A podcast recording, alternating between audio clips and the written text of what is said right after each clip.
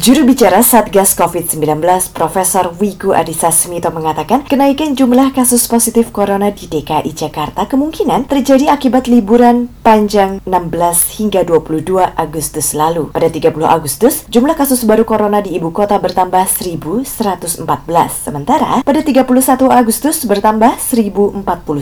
Dengan adanya peningkatan kasus ini, Wiku mengingatkan masyarakat jangan sampai lengah dalam menerapkan protokol kesehatan. Kami perlu dukungan seluruh masyarakat masyarakat bahwa kondisi pandemi masih terjadi di seluruh dunia dan kita harus tetap berhati-hati menjalankan protokol kesehatan dengan ketat kapan pun itu agar tidak terjadi kondisi seperti yang dialami oleh DKI dengan liburan panjangnya dan terjadi peningkatan penularan dan peningkatan kasus. Melonjaknya kasus baru COVID-19 di DKI ini, kata Wiku, menyebabkan tingkat okupansi rumah sakit rujukan COVID-19 dan rumah sakit biasa menjadi sangat tinggi. Angka keterpakaian uh, tempat tidur di ruang isolasi adalah 69 persen pada saat ini, sedangkan angka keterpakaian tempat tidur di ICU yaitu 77 persen. Kondisi ini memang kondisi yang tidak ideal dan pemerintah sedang mendorong menurunkan angka keterpakaian tempat tidur ini untuk bisa di bawah 60 persen. Guna menurunkan beban rumah sakit, pihaknya pun mengoptimalkan penggunaan rumah sakit darurat Wisma Atlet Kemayoran untuk menangani pasien COVID-19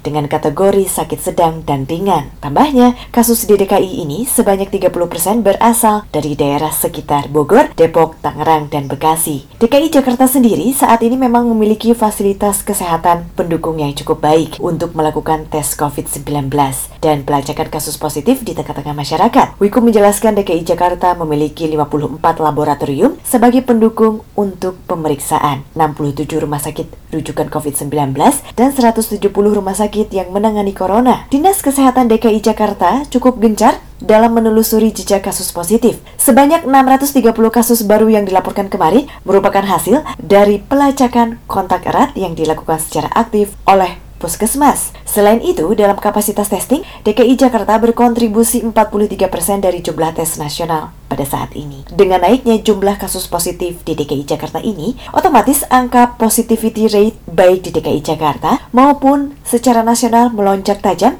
di atas standar dari WHO. Meski begitu, tingkat kematian diklaim terus menurun. Dilaporkan Wiku, tingkat kematian akibat COVID-19 di DKI Jakarta terus turun menjadi 3% dan 4,3% persen di nasional. Sementara itu, tingkat kesembuhan terus naik, di mana di DKI kini menjadi 76,7 persen dan nasional 72,7 persen. Dari Jakarta, Gita Intan melaporkan untuk VOA Washington.